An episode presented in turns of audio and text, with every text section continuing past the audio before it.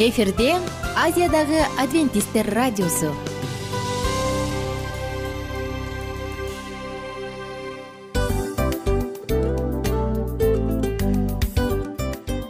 Достор салют. Баардык сүйүктүү угармандарыбызга салам айтабыз. Кутман күнүңүздөр менен. Ден соолук өмүрдүн булагы демекчи саламат саамы программасында баарыңыздарды көргөнүбүзгө абдан кубанычтабыз. Анда алгач амандашып өтөлү арбаңыздар деп. Ден соолугуңуздар кандай элибизде көбүнчө ден соолук кандай дегенде эле жакшы деп жооп беребиз э? ооруп турсак дагы жакшы дейбиз. Анан мен муну айтып ойлойт элем бул абдан сонун сөз депчи анткени бул жакшы деген үмүт да э баары жакшы болот. Баары сонун. Деп үмүттөнүп атып эле өзүбүздү өзүбүз дарылап коебуз. Анысы кандай? Сиздин дагы ден соолугуңуз жакшы беш деген үмүттөбүз чындыгында ден соолук бул өмүрдүн булагы деп бекеринен айтылган эмес деп ойлойм. Кыргыз элинде анткени эгерде ден соолук жок болсо анда адамдын жашоосунда калган баардык керектүү маңыздуу нерселер өзүнүн баалуулугун жоготуп коет. Ошондуктан ден соолук бул эң керектүү нерсе. Ооба туура айтасың кесиптешим. Чынында ден соолугуң жок бир эки үч күн ооруп калсаң эле э кандай болуп калат? Жашоодо көз каранды болуп каласың көп нерсеге жетишпей каласың көп нерсени кыла албай каласың жада калса эшикке дүкөнгө да чыга албай каласың. Туптуура анан ден соолук болсо демек биз биздин бактыбыз тотой деп койсок болот. Анда достор саламат саамы рубрикабызды баштайлы. Алдыда өзүңүзгө керектүү болгон сонун кеңештерди уга аласыздар. Мына ошондуктан биз менен бирге болуңуздар. Ал эми биз болсо милан жана айнура. Кеттик алга. Алга саламат саама ден соолуктун жарчысы. Саламат саама ден соолуктун ачкычы. Күн сайын сиз үчүн мыкты кеңештер сонун жаңылыктар кызыктуу фактылар. Биздин рубрикада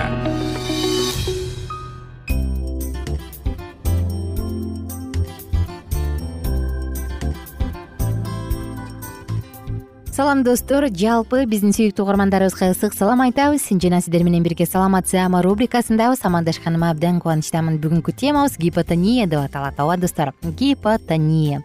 Гипотония дегенде эле бул эмне деген суроо жаралат албетте. Бир аз болсо дагы айта кетели. Гипотония же гипотензия. Грекче тонос чыңалуу деген сөздөн келип чыккан. Гипо жана тонос грекче чыңалуу. Кан басымынын төмөндөшүн жана булчуңдардын чыңалуусунун бошоңдошу кан басымын адамдын курагына ылайык нормадан төмөндөшү артериалдык гипотензия деп аталат.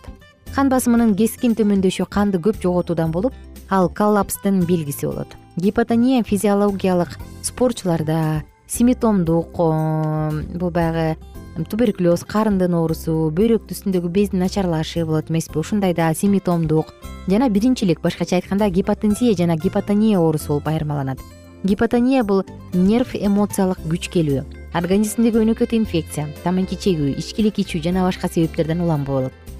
Оорулуу бат чарчайт башы оор тартып жүрөк тушунда жагымсыз сезим пайда болот ысыкка чыдамсыз келет ачка болгондо баш айланат эстен таанышы дагы ыктымал. Кандын жүрөккө вена аркылуу кайтып келүүсү скелет булчуңдарынын активдүүлүгүнө жараша болот. Ошондуктан гипотония менен жапа чеккендер көп кыймылдашы керек анын күчөшүн алдын алуу жана дарылоо комплекстүү түрдө жүргүзүлөт. Эмгек жана эс алууну жөнгө салуу дене тарбия суу процедураларды алуу пайдалуу витаминге клетчаткага бай азыктар менен бат бат тамактануу эртең менен кофе же кызыл чай ичүү сунушталат. Мынакей ушундай. Эми гипотония жөнүндө сөз кыла турган болсок кандай түрлөрү бар эмне кылса болот? Деги эле айыгыбыз жолу барбы? Мына ушул тууралуу алдыда сөз кылабыз. Албетте достор мындай оорунун айыгуу бар кан басымы жүз бештен алтымыш беш болгондо маниминан төмөн болгондо бул гипотония болуп эсептелген болот. Мына ошондуктан кан басымды билүү дагы зарыл. Өзгөчө биз көбүнчө баягы өзүбүздүн иштеп жүргөн кан басымыбызды билбегенден улам ар кандай учурга кептелип калабыз э? Барып текшертсең мисалы токсонго жүз отуз болуп калышы мүмкүн. А сен өзүңдүн жумушчу кан басымың канча дегенде билбейм деп жооп беребиз. Ошондуктан бул нерсени билип алуу дагы маанилүү гипотония жөнүндө дагы эмнени айтсак болот? Мындай ооруга чалдыкпаш үчүн биз көбүнчө өзүбүздүн жумушчу кан басымыбыздан тышкары кандай оору менен ооруптук же болбосо эмне себептен тез тез эле башыбыз ооруп жатат? Эмне себептен бизде көбүрөөк кыйынчылык болуп атат? Булардын баардыгын билип алуу зарыл. Эми достор гипотонияны дагы айта турган болсок алдыда мунун пайдалуу жана ой пайдалуу дедимби зыяндуу жана коркунучтуу жактары көп. Бул тууралуу кененирээк сөз кылабыз бүгүн сиздер менен бирге гипотонияда кандай тундурма жасап ичиш керек? Мына ушул жөнүндө сөз кылабыз. Эгерде кан басым дайыма төмөн боло турган болсо жана ал кайсы бир организмде олуттуу бузулуунун бул олуттуу бузулуунун себебинен улам боло турган болсо көбүнчө мындай учурда кан басым өзүнөн өзү эле калыпка келет кайрадан көтөрүлөт. Бирок ошол учурда эле адам суусуздандырылып кетүүдөн обезвоживание деп коет эмеспизби суусуздандырылып кетүүдөн сакташ керек. Гипокликемиядан сактаныш керек. Организмдеги кандын деңгээли глюкоза төмөндөп кетиши мүмкүн жана анемиядан сактаныш керек. Анткени булардын баардыгы тең албетте кан басымдын төмөн болушуна алып келет. Ал эми биз бүгүн айта турган имбирь жана куркумадан жасалган тундурма кан басымды нормага алып келет. Албетте мындай тундурма кан басымды жогорулатып жибербейт бирок болгону гана аны регулировка кылып коет. Качан ал төмөн кезинде? Мына ошондуктан мындай настойду же болбосо тундурманы жасоо менен бирге өзүңүздүн ден соолугуңузга кам көрсөңүз болот. Имбирь жана куркумадан жасалган тундурманын кандай касиети бар? Артериалдык кан басымды регулировкалайт тагыраак айтканда калыпка келтирет. Сезгенүүгө каршы жана адамды сергитүүчү сонун таасири бар ингредиенттер. Сизге кандай ингредиенттер керек? Эки порция үчүн ар бири эки жүз элүү миллилитрден ошондо жарым литр тундурма үчүн. Жарым чай кашык имбирдин порошогу. Эгер мүмкүн болсо майдаланган имбирдин тамырын деле колдонсоңуз болот. Ошондой эле жарым чай кашык куркуманын порошогу бир аш кашык лимон ширеси төрттөн бир бөлүк чай кашыгынын корица порошогу корица порошогунан чайдын төрттөн бир бөлүгү чай кашыгынын. Эки аш кашык меласа мүмкүн муну полонсилио же панело менен алмаштырып койсоңуз болот. Же клендун сиропу менен алмаштырсаңыз болот бал менен аралаштырсаңыз болот. Жана ошондой эле эки чашка суу. Булардын баардыгын тең баардык ингредиенттерди эки чашка кайнак сууга кошуңуз аралаштырыңыз дагы беш мүнөттөй муздатып коюңуз. Болду мындай шире даяр. Дагы бир жолу эске салсам мындай шире достор. Төмөндөп кеткен кан басымды нормага келтирет. Тилекке каршы азыркы күндө жогорудусу дагы төмөнү дагы айтор кан басымдын түрлөрү бар э? Тилекке каршы азыркы күндө анемия деген мындай таанымал жана кеңири таркалган жана эл оозуна алынып калды ошондон улам анемия дегенде ай анемия экен деп көңүл бурбайбыз. Бирок кан басымдын өнөкөт төмөн болушу же дайыма кан басымдын ылдый болуп жүрүшү бизди чоң коркунучтарга кептейт ошондуктан достор кан басымды текшергенде сиздин жумушчу кан басымыңыз канчалык? Канча? Дайыма ошону билип алыңыз дагы төмөндөп баратабы же жогорулап баратабы? Өзүңүзгө сакчы болуп туруңуз анткени жогоруда айтылгандай эле биз мурунку уктурууларыбызда гипертония жөнүндө сөз кылганда эсиңиздеби айтканбыз э кээ бир адамдар өздөрүнүн гипертония экенин гипертоник экенин билбей эле жүрө беришет деп. Ошондуктан алгачкы эле учурларында өзүңүзгө сак болуп дайыма көзөмөлдөп турсаңыз баардык нерсени алдын алууга мүмкүн. Ооруну дарылаганга караганда алдын алуу оңоюраак эмеспи. Ошондуктан биз сизге айтарыбыз ооруну алдын алыңыз оорубаңыз жакындарыңыз менен бирге аман болуңуз. Жана ошондой эле гипотонияга дагы эмне дуушар кылышы мүмкүн дегенде жогоруда айттык. Организмде олуттуу бузулуу өзгөчө бул операциядан кийин э хирургиялык адам көп кан жоготуп койгон учурда. Кан түшүп кетет дагы шалдырап баса албай баш тегеренип алсыз болуп бат эле чарчап тамакка табити тартпай ушундай бир чоң көйгөйлөрдү баштан өткөрөт. Мындай учурда албетте кан акырындык менен калыбына келет. Эгерде өнөкөт оорусу бар болсо же өнөкөт анемиясы бар болсо анда бул өтө эле олуттуураак сөзсүз түрдө дарыгерге кайрылыңыз дагы өзүңүздүн ден соолугуңузга кам көрүңүз. Достор мен сизге кааларым эч качан оорубаңыздар ооруканага эмес төрөтканага эле барып кичинекей лялечкаларды алдийлерди тосуп алып туруңуз. А мен болсо сиздер менен коштошом кийинки уктуруудан кайрадан амандашканча.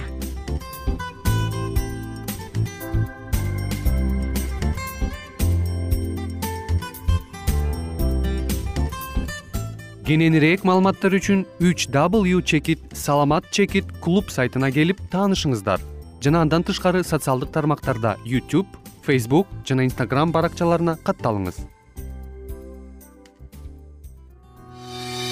Саламат саама ден соолуктун жарчысы. Саламат саама ден соолуктун ачкычы. Күн сайын сиз үчүн мыкты кеңештер сонун жаңылыктар кызыктуу фактылар биздин рубрикада.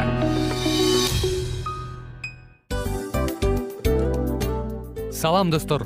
Кайрадан биздин сүйүктүү рубрикабызга кош келиңиздер деп айтмакчыбыз баардык замандаштарыбызга арбаңыздар деп саламыбызды айтабыз. Улуу ушундай бир урматтаган учурашуу менен анан дил маек радио баракчабызга чакырабыз. Негизи дил маек биздин рубрикабызда эмне жөнүндө кеп кылабыз бул дил маектин мааниси эмнеде рубрикабыз менен кичине тааныштырып кетсеңиз. Сөзсүз түрдө тааныштыра кетейин кесиптешим суранычы боюнча бул учурда бул радио баракчада биз ар тарап кесип ээлеринен сонун кеңештерди алабыз сүйлөшөбүз сырдашабыз. Аталарыбыздын эжелерибиздин апаларыбыздын кеңештерин угабыз айтор жан дүйнөгө адамдын э, сапатына адамдын деги эле адам болуп жашашына керектүү баардык кеңештер алдыда.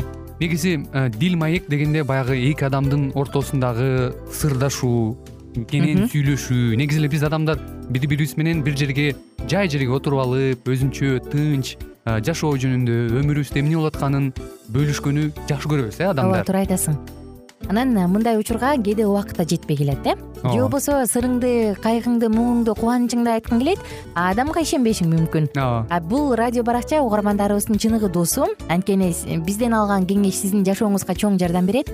Ал эми сиздин бизге айта турган сөзүңүз ортодо гана сыр бойдон калат. Ошондуктан биздин дил маек рубрикабызга дагы бир жолу кош келиңиздер. Жана биз даярдаган маалыматтарга даяр болуңуздар. Айнура жана милан сиздер менен бирге алдыга кеттик ар түрдүү ардактуу кесип ээлеринен алтын сөздөр жүрөк ачышкан сыр чачышкан сонун маек. Дил маек рубрикасында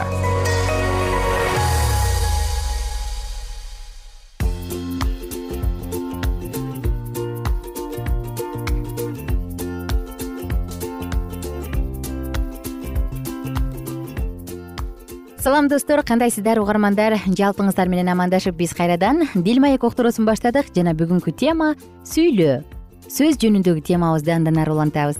Бактылуу үй бүлө деп аталган цикл жана сиздер менен бирге бул циклда эң сонун үй бүлөнүн бактылуу пайдубал курушу үчүн сонун маалыматтарды бөлүшүүдөбүз сөз. Ушул теманы баштап атып мен байыркы учурларга кайткым келди. Мисал катары. Ал учурда ораторлук мектептер бар болчу э ал жакта атайын ораторлорду даярдап ораторлор кызыл тилдүүлөр эл алдына чыгып сүйлөгөндө баары ынанып ой анын айткандарына макул болуп алар азыркы учурдагы пиарщик сыяктуу да болчу. Баарын угуп баарын тыңдап баарын баалап турчу. Мына ушул сыяктуу эле ораторлук мектеп азыркы күндө бар бул болгону биздин үй бүлө. Мурунку уктуруубузда мындай деп айтканбыз. Сүйлөнгөн сөз ар убакта таза мээримдүү жана калыс болушу керек мындай сөзгө үйрөтүүчү эң жакшы мектеп бул үй бүлө дегенбиз эсиңиздеби анысы кандай достор? Биз сиздин үй бүлө бул сиздин мектеп. Биздин үй бүлө биздин мектеп. Ушул үй бүлөдөн чыныгында эле татыктуу мамиле алып татыктуу тарбия алган сүйлөгөндү үйрөнгөн кыйын балдар чыга берсе экен. Балдардын сүйлөө речин карап туруп кээде кубанасың? Тим эле сонун сөздү байланыштырып өз оюн таана жеткиргендер бар а ошол эле курактагы кээ бир балдар өз оюн дагы айта албайт чанжырап сүйлөйт. Буга эмне себеп? Албетте ата энесинин көңүл бурбагандыгы. Анда достор бүгүнкү темабызды уланталы бүгүн сиздер менен эмне жөнүндө сөз кылсак болот дегенде эле мурунку уктурууну дагы бир аз эске салгым келип турат. Үй бүлөдө ата эне үнүн назик кылып сүйүү менен мамиле кылыш керек өздөрү сылыктыкты көргөзө алыш керек. Анда ошондой учурда гана алар балдар жакшы нерсени үйрөнө алат дегенбиз өз үйүңөрдөгү мааниси жок сөздөрдү угуудан качкыла. Жада калса өтө кичинекей наристелерге чейин жөндүү пикирлерден пайда алышат. Бирок мааниси жок жана акылсыз ата жана эне алмашып айтып туруучу сөздөр балдарга деле ошондой сүйлөөчү сөздөрдү туудурат анда кантип баардык үй бүлө аркылуу кармалып турган ак ниеттүү чын ыкластан айтылган калыс жана токтоо сөздөр жакшы иштердин жемишин алып келсин. Эгерде ар бир адам өз үйүндө ынтымакты сүйүүчүлүк менен сүйлөөгө убада беришип жана сүйүү мыйзамы анын сүйлөгөнүн башкарып турууга жол беришсе кандай гана жакшы болмок. Ата энелер эч убакта жемелөөгө шашылбагыла. Эгерде силердин балдарыңар жаңылып калышса аларды жөнгө салгыла. Бирок силердин сөзүңөр сылыктыкка жана сүйүүгө толгон болсун. Силер урушкан ар бир учурда кармануучулук жана токтоолук тууралуу бере турган баалуу сабактарыңарды берүүчү мүмкүнчүлүктөрдү жоготосуңар. Качан силер кетирген каталарыңарды оңдоого аракеттенгениңерде силерди сүйүү колдоп жетектесин. Силерди бирөө айыптап жемелесе өзүңөр дагы алардын таасирин сүйбөгөнүңөрдү эстегиле. Ойлонуп көргүлө жана силердин балдарыңар деле силерге окшош экенин түшүнөсүңөр. Эгерде силер уяткарууну жана айыптоону көтөрө албай турган болсоңор булар дагы силерге караганда алсыз жана көп кайгырууну алып жүрө алышпаган. Силердин балдарыңарга көтөрүү өтө кыйын. Өзүңөрдүн никеңердин жыйындысын баалагыла биз суроолорду берели. Бир маалыматтарды айталы ошонун негизинде мүмкүн ондон нольго чейинки бааларды коюп өзүңүзгө жооп алсаңыз болот. Алдыда коюлган ар бир ырастоолорго ушундай бааларды коюңуз нолдон онго чейинки анан силердин жообуңар силердин сезимиңерди көргөзүп турушу керек. Анда баштадык. Мүмкүн кагаз калем саап алып аласыз дагы анан санап чыгарсыз. Биринчиси биздин ой бакытыбыздын жана баалуулугубуздун келишип туруусу. Кыялыбыз планыбыз руханий жана жүрүш туруш байлыктарыбыз. Экинчиси биздин өзүбүздүн жана үй бүлөбүздүн өсүү деңгээлин колдоно билүүбүз. Үчүнчү биздин натыйжалуу байланыш орнотууну билүүбүз. Төртүнчү биздин чыгармачылыкка жана чындыкка чыгаруучу ой пикирге болгон жагдайыбызды чече билүүбүз. Биздин бири бирибизге болгон сыйлоону жана байланыштуулугубузду көргөзө биле алуубуз канча баллды түзөт? Кийинки жетинчи биздин милдеттенмелерибизди жайгаштырууну билүүбүз. Жетинчи биздин биргелешип иштөө жагдайыбыз. Сегизинчи биздин жыныстык катнаштагы экөөбүздүн тең канагаттануу алууну билүүбүз. Тогузунчу биздин үй бүлөдөгү акча каражат иштерин алып барууну билүүбүз. Онунчу биздин балдарга таалим тарбия жана билим берүүнү билүүбүз. Он биринчи биздин чечимдерди бирге кабыл алууну билүүбүз жоопторуңар менен алмашкыла. Аларды кылда текшерип көрүп ар кимиңердин оюңарды талдап көргүлө. Бир жыйынтыкка келүүгө аракеттенгиле. Сент экзюперинин кандай айтканын эстегилечи? Мындай дейт э? Сүйүү бул бири бириңерди карап туруу эмес. Ал биргелешип бир багытка көз чаптыруу мына ошондуктан бири бириңди карай берсең анда кемчилик сөзсүз чыга берет э? Анда баласын анын мүнөзүн баланын мүнөзүн атасына апасына окшоштуруп «Э, сени тартып калган да деген сыяктуу көп нерсе көп көйгөйлөр чыгып кетет бул учурда. Мына ошондуктан сүйүү бул бири бириңерди карап туруу эмес дейт. Ал биргелешип бир багытка көз чаптыруу бир багытка көз чаптырыңыз үй бүлөдө сүйүү үй бүлөдө сүйлөө маданияты бири бирин сыйлоо бири бирин аздектеп мамиле кылуу бири бирин баалоо бар болсо экен. Мына ошондо гана үй бүлөнүн очогу бекем болот. Ошондо гана үй бүлө мүчөлөрүнүн ар бири өзүнүн керек экенин өзүнүн баалуу экендигин сезе алат достор бар болуңуздар. Бул нерсе бүгүнкү айтылган нерсе ой эмне экен деген деп сезилгени менен адамдын сүйлөгөнү жүрөктүн түпкүрүнөн орун алат. Адамдын сүйлөгөнү жүрөктү жаралайт. Же тескерисинче адамдын сүйлөгөнү бизди шыктандырат. Ушул сөз шыктандыруучу гана сөздөр болсун. Ушул мамиле жакшы бизди өйдө көтөрмөлөгөн бизге туура багыт берген гана сөздөр болсо экен. Эгер сиз ушундай үй бүлөнү куруп жатсаңыз ушундай үй бүлөдө балдарды тарбиялап жатсаңыз анда сиз эң чоң азаматсыз. Достор сиздер менен коштошобуз. Кийинки уктуруубузда биз коомдук керектөөлөр жөнүндө сөз кылабыз. Ага чейин баардык угармандарыбыз менен коштошом жана кайрадан амандашканча деп коштошобуз. Сүйлөңүз. Сиздин сүйлөгөн сөзүңүз адептүүлүгүңүздөн ыймандуулугуңуздан кабар берип турсун. Жана албетте балдар дагы бул нерсени көрүп өсөт достор кайрадан баардыгыңыздар менен амандашканча сак саламатта туруңуздар. Бүгүнкү күн сонун күндөрдөн болсун.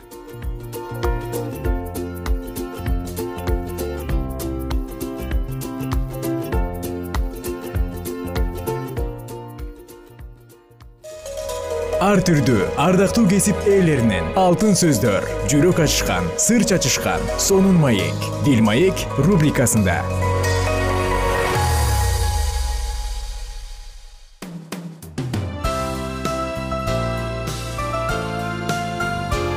эфирде азиядагы адвентисттер радиосу.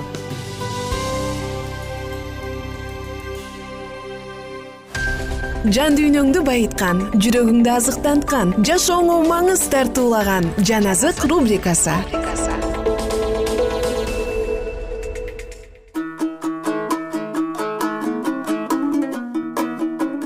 кутмандуу куш убак күнүңүздөр менен кадырлуу замандаштарыбыз жалпы биздин сүйүктүү угармандарыбызга ысык салам айтып кайрадан биз кийинки уктуруубузду кезектеги уктуруубузду баштадык. Биз сиздер менен эске сала кетсек инжил китебинен окуп жатканбыз жакан жазган жакшы кабарды. Бүгүн сиздер менен бирге андан ары окутабыз. Бир аз эске салсак биз ыйсанын кечки тамактанып акыркы жолу шакирттери менен анан шакирттери үчүн сыйынуусун окуганбыз. Эми бүгүн андан ары уланталы жаккан жазган жакшы кабар он сегизинчи бөлүм. Ыйса ушул сөздөрдү айткандан кийин шакирттери менен ал жерден чыгып кедрон суусунун наркы өзүнө өттү. Ал жерде бир бак бар эле. Ыйса шакирттери менен ошол бакка кирди. Ыйса ал жерде шакирттери менен тез тез чогулуп тургандыктан ага чыккынчылык кылган жүйүт да ал жерде билчү. Ал бир топ аскерди жана башкы кызмат кылуучулар менен фарисейлердин катчы кызматчыларын ээрчитип келип калды. Алардын колунда шамана чырак жана курал бар эле. Өзүн эмне күтүп турганын толук билген ыйса алардан кимди издеп жүрөсүңөр? деп сурады. Алар ага назареттик ыйсаны деп жооп беришти. Ошондо ыйса аларга менмин деди. Чыкканчы жүйүт да алар менен турган эле. Ыйса аларга менмин дегенде алар артка кетенчиктеп жерге жыгылышты. Ыйса алардан дагы бир жолу кимди издеп жүрөсүңөр? деп сурады. Назареттик ыйсаны деп жооп беришти алар. Ыйса аларга менмин деп мен силерге айттым эгерде мени издеп жүрсөңөр буларды кое бергиле кете беришсин деди. Анан мага бергендериңердин эч кимиси өлгөн жок деген сөзү аткарылыш үчүн ушундай болду ошондо шымон петр кылычын кынынан сууруп алып башка эки кызмат кылуучунун кулунун оң кулагын шылый чапты. Кулдун аты малкос эле бирок ыйса петрге кылычыңды кынына сал атам берген чөйчөктөн ичпей коймок белем деди. Миң башы менен аскерлер жана жүйүт башчыларынын кызматчылары ыйсаны кармап алып байлашты да адегенде анаска алып барышты. Ал ошол жылы башкы ыйык кызмат кылуучу болуп турган каяпанын кайнатасы эле эл үчүн бир адамдын өлгөнү жакшы деп жүйүт башчыларына кеңеш берген ошол каяпа эле шымон петир менен дагы бир шакирт ыйсанын артынан бара жатышты. Ал шакирт башка ыйык кызмат кылуучунун таанышы болгондуктан анын коросуна ыйса менен бирге кирди. Петир болсо дарбазанын сыртында калды. Башка ыйык кызмат кылуучунун таанышы болгон жанагы шакирт сыртка чыгып дарбазачы күң менен сүйлөшүп петирди да киргизди. Дарбазачы күң петирден сен да ушул адамдын шакирттеринен эмессиңби деп сурады. Петир ага жок деп жооп берди. Күн суук болгондуктан кулдар менен кызматчылар от жагып алып отту тегеректеп жылынып олтурушту петир да алардын жанында жылынып турду. Башка кызмат кылуучу болсо ыйсадан шакирттери жана окутуусу жөнүндө сурады. Ыйсага мындай деп жооп берди. Мен жүйүттөр ар дайым чогулган жерде синагогаларда жана ибадатканада элди окутуп жүрдүм. Элге ачык сүйлөдүм жашыруун сүйлөгөн жокмун. Эмне үчүн менден сурап жатасың? Менин эмне жөнүндө сүйлөп жүргөнүмдү уккандардан сура. Алар менин эмне жөнүндө сүйлөгөнүмдү билишет. Ыйса ушинтип айтканда ошол жерде турган кызматчылардын бири аны жаакка чаап жиберди да башка кызмат кылуучуга да ушинтип жооп бересиңби деди. Ошондо ыйсага эгерде туура эмес айтсам туура эмес экенин көрсөт. Эгерде айтканым туура болсо мени эмнеге уруп жатасың? деди. Ушундан кийин анас ыйсаны байлануу бойдон башка кызмат кылуучу каяпага жиберди. Шымон петр болсо дагы эле отко жылынып турган. Ошол учурда андан сен да анын шакирттеринен эмессиңби деп сурашты. Ал болсо жок деп таанып койду. Ошондо башка эки кызмат кылуучунун кулдарынын бири петир кулагын шылый чапкан кулдун тууганы мен сени бактан анын жанынан көргөндөй болуп жатам деди. Петир дагы таанып койду. Ошол учурда короз кыйкырды. Эртеси таң заардан жүйүт башчылары ыйсаны каяпаныкынан пилаттын ак сарайына алып келишти. Бирок өздөрү киришкен жок. Анткени алар таза эмес болуп эсептелип пасак тамагын жей албай калышмак. Пилат чыгып алардан бул адамга кандай айып коюп жатасыңар? деп сурады. Эгерде жамандык кылбаса аны сенин алдыңа алып келмек эмеспиз деп жооп беришти алар. Ошондо пилат аларга аны алып кеткиле да өз майрамыңар боюнча соттой бергиле деди. Жүйүт башчылары ага бирөөнү өлүм жазасына тартууга бизге тыюу салынган дешти өзүнүн кандай өлүм менен өлөрүн алдын ала айткан ыйсанын сөзү аткарылышы үчүн ушундай болду. Пилат ак сарайга кайра кирип ыйсаны чакыртып алды. Сен жүйүттөрдүн падышасысыңбы? деп сурады. Ыйсага муну сен өзүң айтып жатасыңбы? Же мен жөнүндө сага бирөө айттыбы? деди. Пилат ага мен эмне жүйүт белем сени мага өз элиң жана башкы кызмат кылуучулар алып келишти эмне кылдың эле деди ыйса ага мындай деп жооп берди менин падышачылыгым бул дүйнөдөн эмес. Эгерде менин падышачылыгым бул дүйнөдөн болсо анда кызматчыларым мени жүйүттөрдүн колуна түшүрбөө үчүн күрөшүшмөк. Менин падышачылыгым бул дүйнөдөн эмес. Ошондо пилат ага демек сен падыша экенсиң да деди. Ыйса ага өзүң айтып жатасың мен падышамын. Мен чындык жөнүндө күбөлөндүрүү үчүн төрөлгөм жана ошол үчүн бул дүйнөгө келгем. Ким чындык тарапта болсо ал менин үнүмдү угат деди. Пилат андан чындык деген эмне? деп сурады да кайра чыгып элге мындай деди. Мен андан эч кандай айып тапкан жокмун. Силердин салтыңар боюнча пасах майрамы сайын бир туткунду бошотуп берчү эмес белем. Каалайсыңарбы? Мен силерге жүйүт падышасын бошотуп берейин ошондо алар аны эмес барабаны! деп кыйкырышты. Бараба болсо кылмышкер эле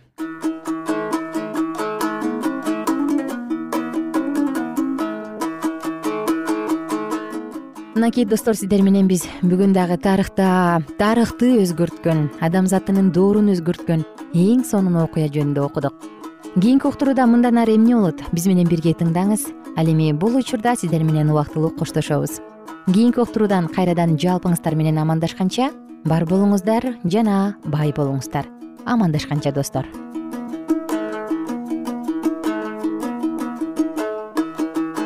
Эгер сиздерде суроолор болсо же көбүрөөк маалымат билем десеңиз анда биздин whatsapp номерибизге жазыңыз. Плюс бир үч жүз бир жети жүз алтымыш алтымыш жетимиш. Кайрадан плюс бир үч жүз бир жети жүз алтымыш алтымыш жетимиш.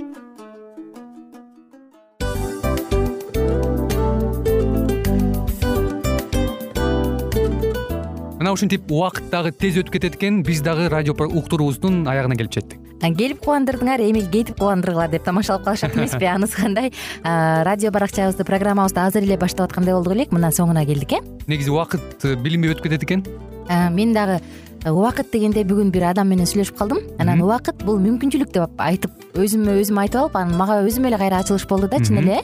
Э, карап отурсаң ошол эле жыйырма төрт саат ошол эле жарым саат кайталанып атат.